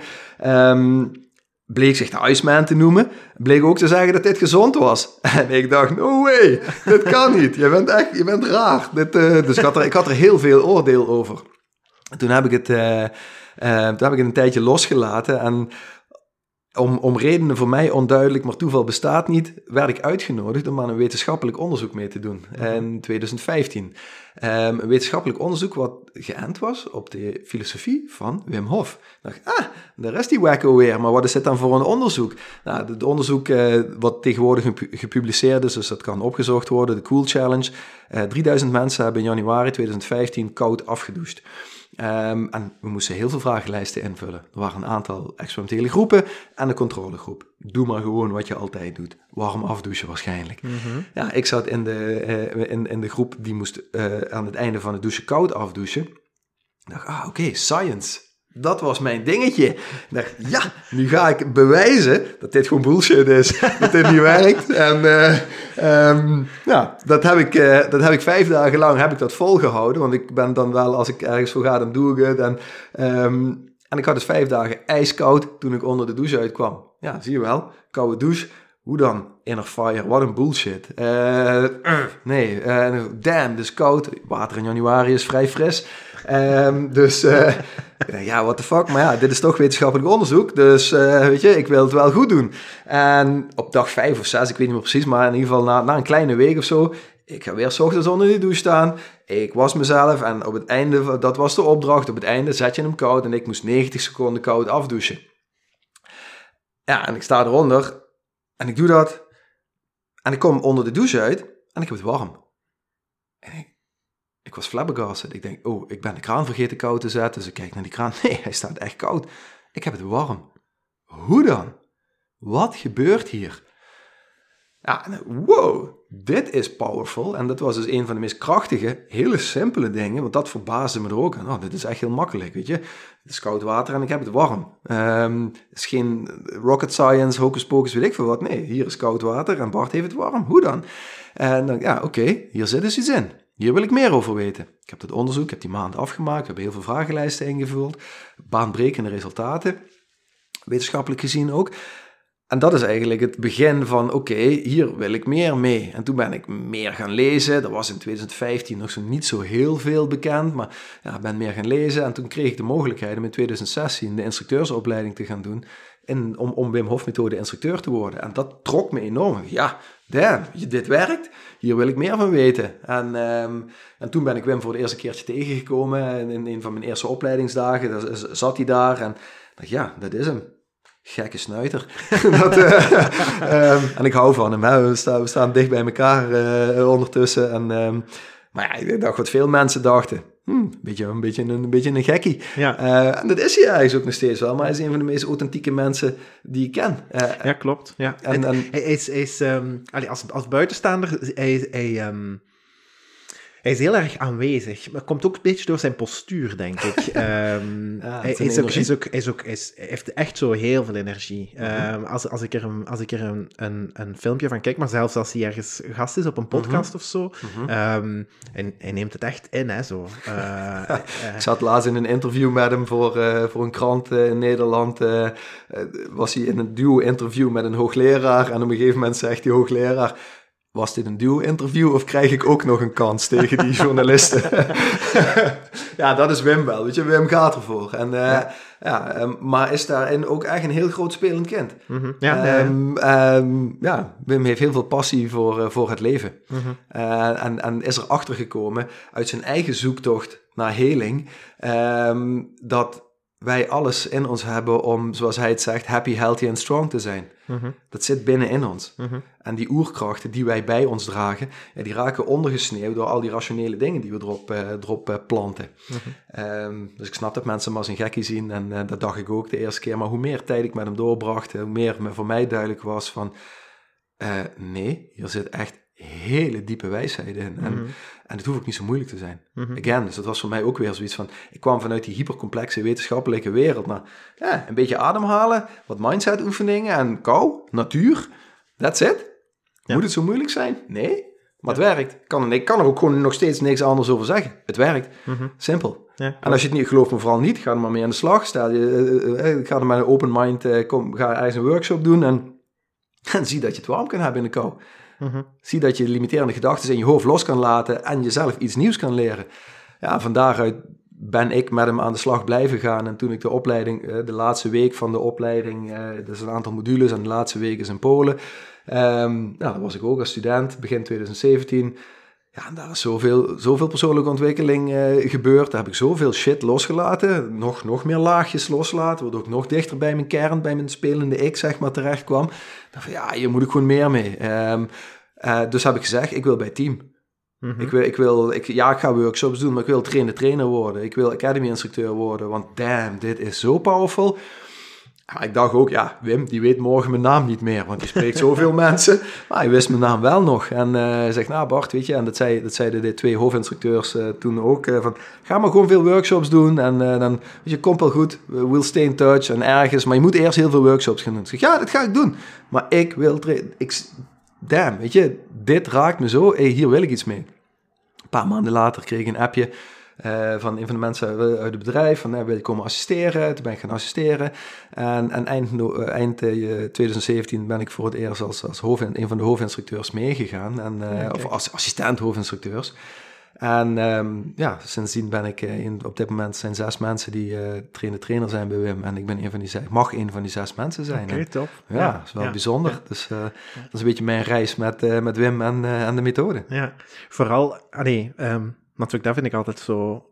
Uh, het, het, het is een beetje de, de voorgeschiedenis en met het rug tegen de muur staan. En um, ja, zo op, op, het, op het duistere punt gezeten te hebben. Maar ehm, het is een heel mooi voorbeeld van hoe dat eh, ja, groei daar ook zijn basis in vindt. Hè? Ja. Jezelf opnieuw uitvinden. En ja, oké, eh, het, is, het is een beetje op een, op een gedwongen manier moeten gebeuren, omdat het niet anders kon op dat moment. Maar het heeft dan toch zo een heel mooie uitkomst. Ja, het was een donkere periode, maar ik ben ongelooflijk dankbaar dat ik die donkere periode heb mogen meemaken. En het gepakt heb, genomen heb om mezelf terug uit te vinden. Mhm. En te groeien in plaats van erin te blijven hangen en, en een soort slachtofferrol te blijven zitten van... Oh, ik kan dit niet aan en eet me mhm. maar op, wereld. Ik, ik, ik, probeer bij mezelf ook altijd, um, als ik zo in een situatie terechtkom waar dat ik mezelf um, ofwel de vraag stel waarom ik, of een variant daarop, mhm. dan merk ik dat ik heel erg in een slachtofferrol zit of mhm. denk, of mhm. daarvan uit denk. En ik probeer nu, Sandro, bekijk het eens als student en niet als slachtoffer. um, ja. En dat probeer ik heel plastisch te doen ook op, op dat moment. En ik merk dat, daar, dat ik dan ook wel vaak een oplossing vind. Uh, net omdat ik het vanuit ja, opnieuw, hè, dan zitten we opnieuw bij dat spelende kind. Zo vanuit nieuwsgierigheid en hoe kan ik hier, allee, hoe kan ik hier een les uit leren? Ehm, dit komt nu op mijn pad, dus ik moet hier wel iets uit leren. Het is hier nu. Ehm, en dat, dat werkt wel uh, op, een, op een bijzondere uh, ja, manier. Uh, het zijn zo heel kleine dingetjes. Um, wat, wat bijvoorbeeld een, een heel gemakkelijk werkinstrument is dat iedereen altijd bij heeft. Uh, dat, is, dat is ademhaling. Mm -hmm, en ik probeer daar ook wel zo. Uh, de, heel mensen, vooral op het werk, zeggen mensen: Sandro, jij zucht heel veel. Maar dat is eigenlijk niet waar. Dat is een bewuste, uh, ja, een bewuste manier van even in- en uitademen. Ja. Omdat ik merk dat ik heel hoog zit in mijn ja. ademhaling op dat moment. En dat, dat doet stress met een mens. Um, maar uh, ja, het is een bewustwording die ik mezelf ook wel een beetje heb moeten aanleren. Zeker, uh, ik ook. En, en ik vind het super dat je hem aanhaalt, want ik denk dat een van de meest krachtige dingen die wij eigenlijk altijd, zoals je zegt, je hebt het altijd bij je. Je kan het niet vergeten. Je kan mm -hmm. alles vergeten. Maar je ademhaling kun je niet vergeten. Ademhalen kan ook alleen maar nu. Mm -hmm. kan, ja. kan niet net, kan niet dadelijk. Kan ja. alleen maar nu. Dus als jij je bewust kan verbinden met je ademhaling nu en er dan ook nog iets in aan kan passen, dan ben je eigenlijk het alchemist van je eigen lichaam. Dan zorg jij door middel van mind over matter aan de slag te gaan met die ademhaling ervoor dat die jou helpt een bepaalde staat van zijn te creëren. Mm -hmm. En misschien klinkt het super zweverig voor mensen, maar ga maar eens na als je nu aan het luisteren bent. Waar zit je ademhaling? Mm -hmm. Zit die heel erg zit in je borstkas of misschien wel in je keel ergens? En hoe vaak adem je? Je, dat, dat, zijn allemaal dingen die ik vanuit de wetenschap nooit geleerd heb, maar hmm. later dus tegen ben gekomen. We ademen veel te veel, veel te hoog, veel te snel en gehaast. Heel inefficiënt. Terwijl als je kijkt naar een babytje, die ligt te slapen, of als je een hond of een kat hebt of zo, die lekker ligt te chillen, kijk eens waar die ademhaling zit. Die zit laag in de buik. Mm -hmm. Dat is onze natural state of breathing, in rust. Kijk, als er een tijger tegenover je staat, dan snap ik dat je hoog in je ademhaling zit. Ja. Want dan is er acute stress. Maar die chronische stressstaat die wij onszelf gecreëerd hebben in deze snelle, fast-paced, volatile westerse wereld, die heeft dus als gevolg dat wij hoog in onze ademhaling gaan zitten. En dan creëren we een negatieve feedback loop voor ons lichaam. En blijven we dat doen, blijven we een signaaltje terugsturen van wow, er staat een tijger, die gaat me niet opvreten. Ik moet nu vechten of heel hard vluchten. Of maar gaan liggen en het opgeven. Maar dat hoeft niet zo te zijn. Want die tijger die staat er in deze wereld bijzonder zelden. Ja. Soms kan het, zou, theoretisch zou het een meneer of een mevrouw met een kettingzaag kunnen zijn, of een, of een geweer of zoiets dergelijks. Ja, dat kan, dan moet je iets. Maar voor de rest, alle andere manieren of alle stressoren die wij hebben, van verwachtingspatronen, hè, mentale stressoren of fysieke stressoren, zijn niet levensbedreigend. Mm -hmm.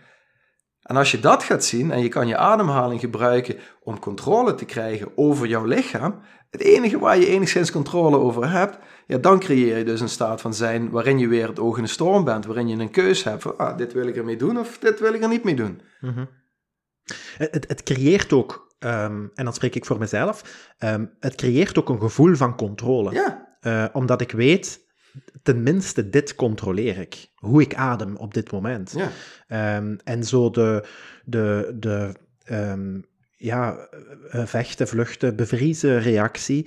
Um, ja, deadlines, een telefoon die de hele tijd afgaat, e-mails die blijven binnenkomen, meldingen die uh, op uw computerscherm omhoog springen, is biologisch gezien exact dezelfde. Yes. doet, doet de biologisch hetzelfde met ons als inderdaad oog in oog staan met, een, met een tijger.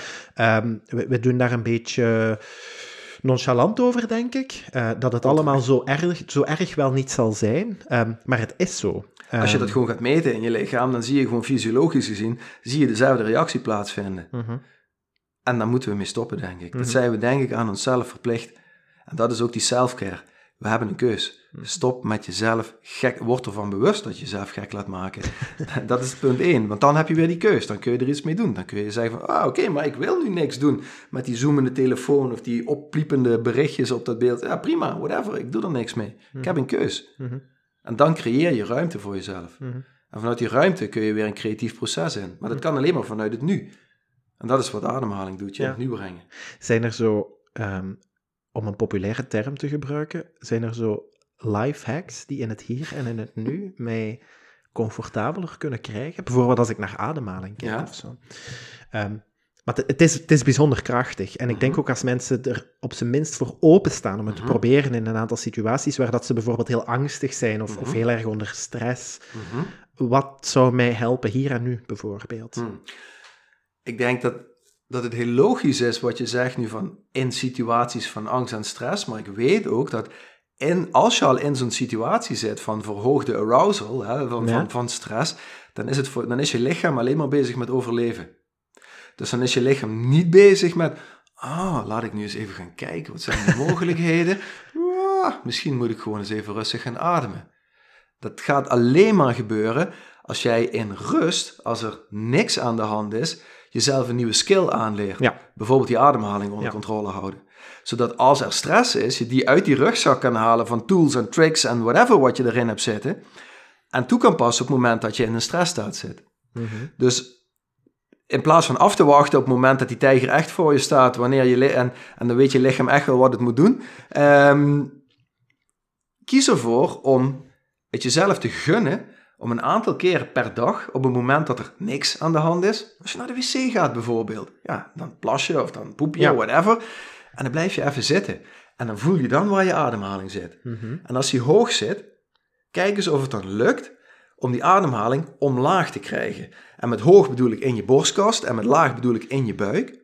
Observeer eens hoe je ademhaling is, want de meeste mensen die gestrest zijn, die hebben een hoge ademhaling. En dat wil zeggen dat vooral die borstkast beweegt. Als je inademt, beweegt die uit, want ja, je vult je longen met lucht. Maar vooral de bovenste helft van je longen. En als je uitademt, zakt die borstkast weer in elkaar. Kijk eens of je het om kan draaien, want als je borstkast uitzet, dan relatief gezien gaat je buik een beetje naar binnen. Als je het omdraait, en je begint eigenlijk die longen aan de onderkant eerst te vullen. Door je buik uit te zetten. Dan gaat je middenrif kan verder naar beneden. En daardoor creëer je meer ruimte in de onderste helften van je longen. Eigenlijk hetzelfde als een glas, uh, een glas vullen met een, met een drankje. Dat doe je ook eerst onder. Dat, dat water gaat eerst onderin zitten en dan pas bovenin. Het is heel raar om eerst boven te vullen en dan onderin. Dat gaat niet eens in een glas. Nou, maar wij hebben het toch voor elkaar gekregen met, met, met onze longen om dat wel te doen. Eerst boven vullen en dan onder vergeten. Ja. Als je dus weer met die lage buikademhaling, dus met je buik uitzetten op inademing, leg een hand op je buik, leg een hand op je borstkast en voel dan, duw die onderste hand naar buiten als je inademt. Ja, dan ontstaat er in die onderste delen van je longen meer ruimte en, om lucht heen te sturen. Want dat inademen gebeurt dan wel. Als je je buik naar buiten duwt, dan ontstaat er onderdruk in je, in je borstkast en dan zuig je die lucht eigenlijk als het ware naar binnen. Dan vul je eerst de onderkant. En dan pak je borstkast erbij, dan vul je ook de bovenkant en dan heb je eigenlijk een veel volledigere mhm. ademhaling. ja. En dan adem je rustig uit. Nou, dat is de eerste stap in bewust worden in ademhalen. Mhm. En in je, er kan een stukje biologie daarbij, je hebt onderin je longen, heb je zenuwuiteinden zitten die vooral verbonden zijn met het rustgedeelte van je zenuwstelsel. Want je hebt een actiestuk en een ruststuk in je, in je autonome zenuwstelsel. Onderin zitten zenuwuiteinden die verbonden zijn met die rust met het rustdeel. En boven in je longen zitten vooral zenuwuiteindes die verbonden zijn met het actiestuk. Als je ademhaling omhoog gaat, wordt adrenaline vrijgemaakt, zodat je, zodat je snel kan rennen. Gaat er energie naar je armen, naar je benen, zodat je snel in actie kan komen om te vluchten voor die tijger, mhm. als die er is. Klopt, klopt. Maar ja, als die er niet is, waarom zou die reactie er dan moeten zijn? Mhm. Dus als jij met je ademhaling daar controle, bewust controle over kan houden, nou, dan kun je dus je stressniveau sturen. Mhm. Ja, klopt. Het hoeft niet moeilijk te zijn. Nee, klopt. En als jij dus één keer, want alles uiteindelijk is alles nu, als jij één keer heel bewust rustig in kan ademen, diep beneden in je longen kan beginnen, door middel van die buik uit te zetten, waardoor je middenrif naar beneden kan en je je longen veel vollediger kan gebruiken, en dan kun je ze van onder naar boven vullen. Dan wordt het, dan wordt het gelijkmatig gevuld en dan adem je weer rustig uit. Als je dat één keer kan doen, zonder afgeleid te raken, mentaal dan wel fysiek, ja, dan heb je een soort micromeditatiemoment, Mhm. waarin je maar een paar seconden eh, kwijt bent om die verbinding met jezelf weer terug te pakken. En als je die verbinding met jezelf weer hebt, dan creëer je weer een keus. Mhm. En dan ben je niet meer aan het vluchten of aan het vechten of, of op je rug aan het liggen wachten tot je opgegeten wordt door die tijger. Nee, dan heb je een keus. Hoe wil ik met deze storm omgaan? Ehm, ik, ehm, ik kom net tot de vaststelling ehm, dat als ik, in, als ik inderdaad ga lopen, Mhm. die ademhaling voelt exact hetzelfde als als ik in een stressvolle situatie zit. Als je het Ehm, hardlopen bedoel je of zo? Ja, ja. Mhm. ehm, Dat klopt, want het hardlopen is ook iets stressvols Ja, voilà. voor je lichaam. En het is, het is inderdaad zo een, een hoge ademhaling die precies niet verder gaat dan zo ja, echt de ja, borst. ja. Ehm, en, en ik snap daar ook wel het, het nut van, hè, omdat eh, het, moet, het moet vooruit gaan ook een beetje. true. Ja. Ehm, en een, een volle ademhaling Mhm. maakt ook, ehm, het gaat vrij snel ook, hè, eh, echt rustig. Ehm, al is het maar, ik merk ook dat, met, dat mijn, mijn lichaamshouding verandert op het moment dat ik diep ademhaal, omdat ik ehm, mijn schouders zakken bijvoorbeeld ook. ja, je ontspant. Ja. Ja, heel lang in een, in een werkhouding zitten creëert bij mij ook zo'n soort van, allee, zo het, het, het klassieke beeld, hè, zo eh, gebogen rug, Ja. omhoog getrokken schouders, waardoor dat ja, op het eind van de dag eh, pijn aan mijn nek en, Ja. en aan mijn rug. Terwijl een paar keer in- en uitademen echt en niks anders doen dan Ja. alleen dat uitademen en daar ook even heel, Heel bewust, mee ja. bezig zijn, Ja. creëert ook gewoon een heel andere lichaamshouding. ja, creëert ruimte. Er zit heel veel ruimte in dat lichaam. Mhm. Maar die gebruiken we niet omdat we continu verkrampen. Dat we continu in spanning zitten. En die spanning, hè, wat je beschrijft over je, je schouders, je nek, je hoofd, ja, dat krijg, daar, krijg je dan, daar krijg je dan weer migraineaanvallen van. En dan, ja, damn, dan moet ik weer een pilletje voor nemen. Nee, dat hoeft niet. Je kan ook efficiënter gaan ademen. Mhm. En door, de- door juist dingen te accepteren zoals ze zijn en er niet tegen te vechten, creëer je ruimte, creëer je die keuzemogelijkheid. Mhm. Maar we krijgen aangeleerd in deze samenleving, fight. Kom maar, verkramp, kom maar. Ik ga je pakken, ik kan het Ja. aan. Ja, je kan het aan. Mhm. Maar als je dat vanuit een meer ontspannen situatie doet, dan is er meer keuzevrijheid. Heb je Mhm. een breder spectrum van opties waar je uit kan kiezen, in plaats van die narrow-mindedness Ja, van alleen maar verkrampen. Klopt, ja. Ja, eh, super interessant. Ehm. Ik, ik, denk ook, ik denk ook dat het een, een, een heel goede tip is om... Want ik kan me heel goed voorstellen dat er mensen zijn die denken... Ja, allee, ehm, ik adem nu al zoveel jaar, dus ik zal het wel weten eh, hoe, hoe dat het werkt. Maar Ja. ehm, probeer dat inderdaad zo bewust is. Ja, doe het. Dus ga gewoon eens even zitten. Gun jezelf twee minuten. Gewoon Mhm. twee minuten op 24 uur. Wat is dat? Ga zitten. Of liggen, misschien nog wel beter. Hè? Want als je ligt, als je, je, als je lichaam als een soort holle buis ziet waarin je ademapparaat kan bewegen. mhm. Nou, als je dat uitlijnt, als je gaat liggen, ja, dan, dan ben je helemaal oké. Ben je ook nog helemaal veilig, want er kan niks gebeuren. Je kan niet ergens tegenaan lopen of omvallen. Dus ga dit vooral ook niet doen als je op de fiets zit of zoiets eigenlijk, als je dit nog nooit gedaan hebt. Maar ga gewoon zitten, ga liggen, pak een veilige omgeving waarin er niks kan gebeuren. Ga liggen en ga voelen waar je ademhaling zit. En pak dan heel bewust terug de controle over die ademhaling. Mhm. En kijk wat er dan gebeurt. Oké, Ja, heel simpel. Ja, klopt. gel- geloof niks van wat ik zeg, maar ervaar het zelf. klopt. Je kan het wel uit een boekje, je kan het uit een boekje halen, maar ga het zelf doen. Mhm.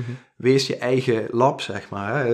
Ja, ja. Wees, wees zo open-minded om, om zelf te voelen wat er gebeurt als je hiermee aan de slag gaat. Mhm. En iedere keer als ik dit met mensen doe, binnen een minuut zie je de energie veranderen. Voel je dat het rustiger wordt. Hoe moeilijk mensen dit ook vinden. Want heel veel mensen vinden het super moeilijk om dat wat ze zichzelf Ja. al heel erg lang aangeleerd hebben, om dat om te draaien. Mhm. Om weer naar die lage buikademhaling terug te gaan die je als jong kind gehad hebt, tot je, Mhm. tot je tiende ongeveer. Want dan ga je meer onderdeel maken, uitmaken van de, van de samenleving waar we in zitten. Meer stress, meer verantwoording, meer gekmakende gedachten. En dan gaat die ademhaling naar een stressstand omhoog. En als je dan niet alleen maar lager kan gaan ademen, maar ook rustiger kan gaan ademen. En ook meer focus kan hebben op de uitademing. Want die uitademing die is verbonden met het ontspannen van je lichaam. En inademing is verbonden met actie. Mhm. Heel veel mensen. Kijk maar eens wat, als je, als je dan toch ligt, kijk maar eens waar je aandacht zit. Zit die bij de inademing of bij de uitademing? Acht van de tien mensen, negen van de tien mensen zijn vooral met inademen bezig en niet met uitademen. Nou, switch dat eens. Ga vooral eens aandacht besteden aan die uitademing. Want dan komt die inademing vanzelf wel weer. Die, die, die gebeurt echt wel. Je Ja. gaat dat echt niet niet doen, zeg maar. Dat is in 100% van de gevallen zo. Ja. Dat gebeurt maar één keer niet meer. En dat is op het moment dat je aan het einde van deze rit zit Ja. en sterft, je laatste adem uitblaast. Maar voor de rest gaat het altijd gebeuren. Daar heb je je autonome zenuwstelsel voor. Dat werkt. En daar mogen we echt meer op vertrouwen. ja. En dan ga je voelen wat er gebeurt. Het is, het is ook een, het is ook een, eh, een heel gemakkelijke. Laat mij de term gateway gebruiken. eh, om gewoon veel meer bewust met onszelf Ja. bezig te zijn en te voelen wat dat er. Het is beginnen met ademhaling, maar het wordt zoveel. Ik ben ook ooit begonnen met ademhalen. eh, en het is zoveel meer geworden dan dat alleen. Ja, Ehm, en ik, ik kijk nu naar u en ik zie ook in uw blik dat het voor u ook ooit zo geweest is. life-changing. Ja. Ehm, dus ehm, het zet de deur open voor zoveel eh, mogelijkheden en uitdagingen. ja, en van daaruit ga je gewoon meer leven. Mhm. Je, als, je, als je drie motiverende woorden nodig hebt, je gaat dood. Ja. Simpel, Ja, ja, maar wel klopt. profound. ja, ook dat klopt in Dus 100% van de Start met leven. Ja. Kijk, die energie die blijft wel, maar dit lichaam stopt er een keer mee. Mhm. Waarom zou je niet wat meer gaan leven nu? Waarom zou je niet wat meer in verbinding met jezelf komen? Om, om voorbij te gaan aan die limiterende gedachten, aan al die ja, beperkende ideeën die we over onszelf hebben. Waarom creëren we niet weer die diversiteit eh, vanuit die zelfliefde? Mhm. Vanuit dat voor jezelf zorgen. Zodat we daar door beter voor onszelf te gaan zorgen, ook beter voor elkaar kunnen gaan zorgen. Mhm. En door beter voor elkaar te zorgen, gaan we automatisch ook beter voor de planeet zorgen waar we onderdeel van zijn. Mhm. We moeten dit samen doen. We gaan, we gaan dit niet alleen oplossen. We zijn ook niet alleen. Nee, nee, klopt. Je moet wel zelf doen. Klopt. De- er schiet mij nu opeens een vraag in mijn hoofd. Ja. Ik weet niet zo goed van waar dat die komt, maar ehm, hoe... eh, wacht, ik, ik ben hem nog aan het vormen. Ehm, ik, ik, ehm, ik ben me ervan bewust dat sommige mensen zeggen... In een poging om die persoon gelukkig te maken, is het niet toegestaan dat ik zelf eerst gelukkig ben. Begrijp je, begrijp je de vraag? Ehm, Hoe kun je die persoon dan gelukkig maken? Ja, Echt? zo. Want die vraag komt er mij op omdat ik u net alle dingen hoor vertellen die ik u hoor vertellen. En dan denk Mhm. ik, ah ja, maar dat is exact het omgekeerde van die opvatting. Ehm, als een soort van, op, in een poging om die persoon gelukkig te maken, moet ik zelf eerst meelijden om samen weer... ehm, maar dat is een valkuil, denk ik, waar dat eh, niemand, eh, niemand beter van wordt, toch? In die end denk ik niet. En ik snap het, ik snap het proces, ik snap het. Ik heb dat ook jarenlang zo gedaan. En, en soms kies ik er bewust voor om het nog steeds zo te doen. Want ja, ik bedoel, ik moet ook, ik zet mezelf ook wel eens aan de kant. Mijn, mijn, mijn ideeën en gevoelens. En van ja, nu, nu oké, prima, nu gaan we jouw ding doen. Mhm. It's oké. Maar als we dit chronisch doen, chronisch het leven van iemand anders leven, ja, wie leeft zijn eigen leven dan nog? Mhm. En je krijgt in dit lichaam één kans om Ja. jouw leven te leven. Dus waarom zou je het dan Klopt. niet leven? Waarom zou je niet beter voor jezelf zorgen? ja, klopt, klopt. Ja, en daar ga je, niet, eh, daar ga je misschien niet iedereen happy mee maken, eh, eh, altijd. Maar dat is wel het, dat ultieme pleasen, zeg maar, wat we onszelf zo tot, ehm, ja, tot in de hemel, als het ware, eh, aangeleerd hebben. Om Mhm. altijd maar te pleasen. Nooit, nooit ehm, heel zwart-wit gezegd nu, hè, want ik weet dat er nuances zijn. Maar om, om, nooit te, om nooit te zeggen van, hé, maar wacht even, dit werkt niet voor me. Nee, nee. En ook niet eens een sorry, nee, dit werkt niet voor me. Mhm, Ik ga dit op mijn manier doen. mhm. Ja, We zijn dat, we zijn dat zo afgeleerd, die goede zelfzorg. ja, klopt. Maar uiteindelijk zijn we allemaal, is het allemaal één ding. Mhm. Uiteindelijk zijn, zijn wij allemaal gemaakt uit sterrenstof. Is alles op deze aardbol is gemaakt uit sterrenstof. Is allemaal dezelfde basiscomponenten. En als ik goed voor mezelf kan zorgen, dan zorg ik ook meteen goed voor jou. En dat zorgt misschien initieel voor wrijving, omdat er patronen doorbroken worden. Patronen in ons hoofd doorbroken worden. Maar in de long run denk ik dat het het beste is wat je kan doen. Mhm. Ja, ik denk, ik denk ook, en ehm, dat is misschien zo hetgeen dat ik meeneem, ook uit ons gesprek van vandaag, in Mhm. zo een complexe wereld die alleen maar complexer geworden is de laatste jaren, is het net belangrijk om opnieuw naar een begrijpbare, behapbare basis te gaan, Ja. omdat daar ook net de oplossingen liggen. Ja, En dat, het, dat de complexiteit van dingen ons ook een beetje dreigt te verlammen. Ja. Eh, en dat we stoppen met zelf na te denken. Ja. En dan bedoel, met nadenken bedoel ik ook inderdaad naar Voelen. onszelf luisteren, Ja. voelen. Ehm, ja, en, en dat dat een beetje de les is die, ik- die ik denk ik vandaag ook wel wat meeneem. Oh, mooi. Is een goede les? Ja? Ik, ik, ik, weet niet of ik hier zit om lessen, om mensen lessen te geven, maar ehm, hopelijk te inspireren om, ja? ehm, om eens een, even pas op de plaats, niet, niet stil te gaan staan, want we zijn gemaakt om te bewegen, Mhm, maar de snelheid er een beetje uit te halen. mhm, En gewoon eens te observeren van, hé, hey, waar ben ik nou eigenlijk mee bezig? mhm, Ben ik, ben ik, ben ik dit? Voelt dit echt, voelt dit goed? Ja. Zoals dit gesprek bijvoorbeeld heel goed voelt. Ja, ik, ik heb hier bijzonder veel lol aan deze tafel. Ik vind het prachtig dat we deze verbinding met elkaar aan mogen gaan. Dus het voelt goed. Maar dan blijf ik, dan blijf ik daarin. Oké. Dan blijf ik daarmee bezig. Ja. Totdat we zeggen, oké, nu is het gesprek afgelopen. Mhm, Maar stel jezelf die vraag eens wat vaker. Voelt het wel goed? mhm. En als je dan nog niet helemaal kan voelen of het goed voelt, zet dan stappen, zoals met de ademhaling, zoals een keer op je blote voeten lopen, om weer terug in contact met dat gevoel te komen. Mhm. Zodat je meer kan varen op dat gut feeling, of wat ze bij dames vrouwelijke intuïtie noemen. Ja, volgens mij hebben wij dat als mannen ook. Misschien zit dat nog wat verder ve- weggestopt door alle ego-dingen die wij er als man aangeleerd eh, over hebben. Ehm, maar voel. Ja. Ga die verbinding met jezelf aan en van daaruit, oké, is het oké? Wil ik dit? Of ben ik nou iemand anders aan het pleasen en is dat iets wat ik al heel erg lang aan het doen ben? Mhm. En verlies ik mezelf er totaal bij. Ja, en in die zin vind ik bijvoorbeeld een koude douche ook wel heel mooie beeldspraak. Omdat, omdat het aantoont dat, dat aan de overkant van discomfort Ja. ehm, ook wel, ja, noem, het, noem het geluk en blijdschap en, en kansen liggen. Zo. Zeker. Ehm, maar we moeten het durven aangaan. Ja, dus je moet de moed hebben, de zelfliefde hebben, om die stap te zetten. Want er zijn altijd stemmetjes in je hoofd, ook als je het hebt over een koude douche, want die zijn er ook nog steeds in mijn hoofd, alhoewel ik het echt al ontelbaar vaak gedaan heb, die zeggen, Bart, doe dat lekker niet. Hè? Gewoon, lekker warm, heerlijk, mm, comfortzone, comfortzone, quote-unquote. Nee, maar het is eigenlijk een soort eh, fictieve discomfortzone die we gemaakt hebben. Ja. En ik weet ehm, dat als ik dan toch voor die kou kies, als ik dan kies om voorbij te gaan aan die limiterende gedachte in mijn hoofd van, moet je niet doen jongen, en dat ik dan weer iets nieuws leer, dat ik dan weer groei. Ja. Iedere keer. Ja, want ei- eigenlijk valt het mee, hè, discomfort. Ehm, allee, ehm, als we ervoor durven kiezen om erin te stappen, Ja. dan voelt discomfort eigenlijk niet zo heel oncomfortabel. Nee, dan kan het zelfs heel comfortabel Maar- aanvoelen. Allee, probeer nu eens om, om, om in, in, die, in die situatie te blijven van zo'n koude douche.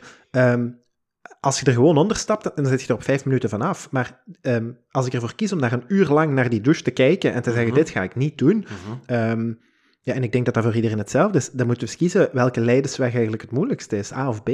Hmm. Eh, dan had ik er misschien ook liever vijf minuten gewoon onder gestaan. En ik denk dat dat voor heel veel aspecten in het leven gewoon van Ja. toepassing is. Ja, nou ja, word, word je eigen stabiele leider. Mhm. Ehm, we zijn een verzameling van miljarden cellen die elkaar niet aanraken. Denk daar eens over na.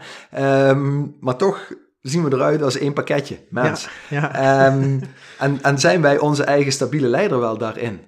Zorgen wij goed voor onszelf? Maken wij de juiste keuzes? We zijn, ik, ik heb dat ooit in een podcast gehoord. eh eh, Cesar Milan, de dog whisperer, die zei dat tegen Wim. We zijn, we zijn de enige diersoort die luisteren naar onstabiele leiders. Hmm, moet ik eens over nadenken. Ja, want oké, ben ik gaan kijken. Elke, elke andere diersoort waar er een onstabiele leider is, nou, die onstabiele leider die wordt of van de troon afgestoten of gewoon meteen opgevreten. en dan is er een nieuwe stabiele leider. En toen dacht ik, hé, hey, maar hoe zit dat met onszelf? Zijn wij onze eigen stabiele leider? Durven wij wel stable leadership op onszelf toe te passen? Door keuzes te maken die in dat onstabiele brein wat we hebben, misschien iets anders zeggen, maar waarvan we weten van, oh, weet je, als ik hiervoor ga, dan ben ik weer meer mezelf. En dat is wat ik onder die koude douche merk. Ik kan alleen maar mezelf zijn. Ik kan niet bezig zijn met de problemen van anderen. Ik kan niet bezig zijn met, met boodschappenlijstjes van straks. Nee, ik moet hier bij mezelf zijn. En die keus maken, iedere keer weer, voorbij gaan aan de stemmetjes in mijn hoofd die zeggen, doe het nog niet. Ja, dat is liberating, echt. En van daaruit krijg je nieuwe energie, want die energie is er altijd. Ja. Leer je jezelf meer vertrouwen en respecteren en kan liefde beter stromen. Oké. Ja. Goed, goed. Eh, Bart, ehm, met in het achterhoofd dat we, dat we afronden op een hoogtepunt, eh, Ja. vond ik tellen als, als hoogtepunt. Eh, dus vandaar, ik, ehm, ik vond het bijzonder boeiend.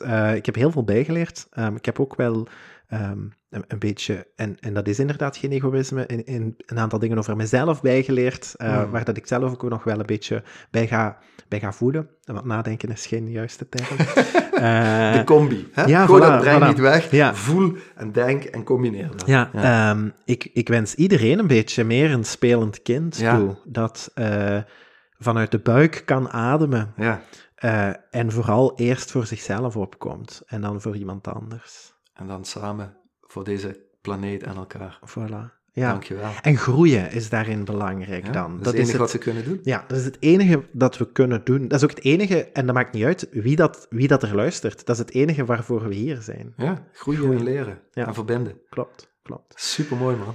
Bart, ehm, een heel dikke merci voor het gesprek. Ik vond het, eh, ik vond het super boeiend. Ik ga ook alles blijven volgen wat, eh, wat, wat Bart doet. Ehm, ik, ik ga misschien ook gewoon eens naar Nederland komen voor, eh, Doe eens gek. voor eens te komen wandelen. Of, Ja, of zeker. Laten we dat doen. Eh, ik heb iets meer bang voor de koude douche, ehm, maar eh, dat zeg ik nu misschien ook gewoon bewust, omdat iemand anders voor mij dan de beslissing neemt om het te doen. Ik ben bij deze uitgenodigd Ja. om een keer in een ijsbad Ja. te komen zitten Ja, bij me. ehm, het staat al een hele tijd op mijn to-do, maar ik, ik, ehm, dat- ja, eh, ik, ik snap het eh discomfortstuk Ja. ervan. Dus ik ga, een, eh, externe, ik ga een externe motivatie nodig hebben. Dus misschien heb ik die bij deze gevonden. We zullen zien. Cool. Bart, ehm, ehm, ja, bedankt. Heel veel succes ook met alle dingen waarmee dat je bezig bent. Komt Ik, ik, goed. ik hoop ook dat, ehm, en ik denk ook wel dat je heel veel mensen mocht en ja, mocht blijven inspireren. Dat er ook mensen hun weg blijven vinden naar u. Ik ben ook helemaal overtuigd van de methodes waarmee dat je aan de slag gaat. Mhm. Ehm, ja, noem het nu Wim Hof methodes of, of Bart Schottense methodes, maakt, maakt eh, in C niet uit. Ehm, maar zo de oproep om, om, om het allemaal een beetje, keep it simple, is, eh, Ja. is, een, is een goede slogan om Ja. mee af te sluiten. Ja, dat. Goed. Dankjewel. Bart, eh, nee, absoluut. helemaal aan u. Dank u wel dat ik, dat ik hier welkom was in het prachtige Sint-Truiden. Ja, Doe het goed verder. We zien elkaar sowieso. zeker weten. Goed, dag Bart.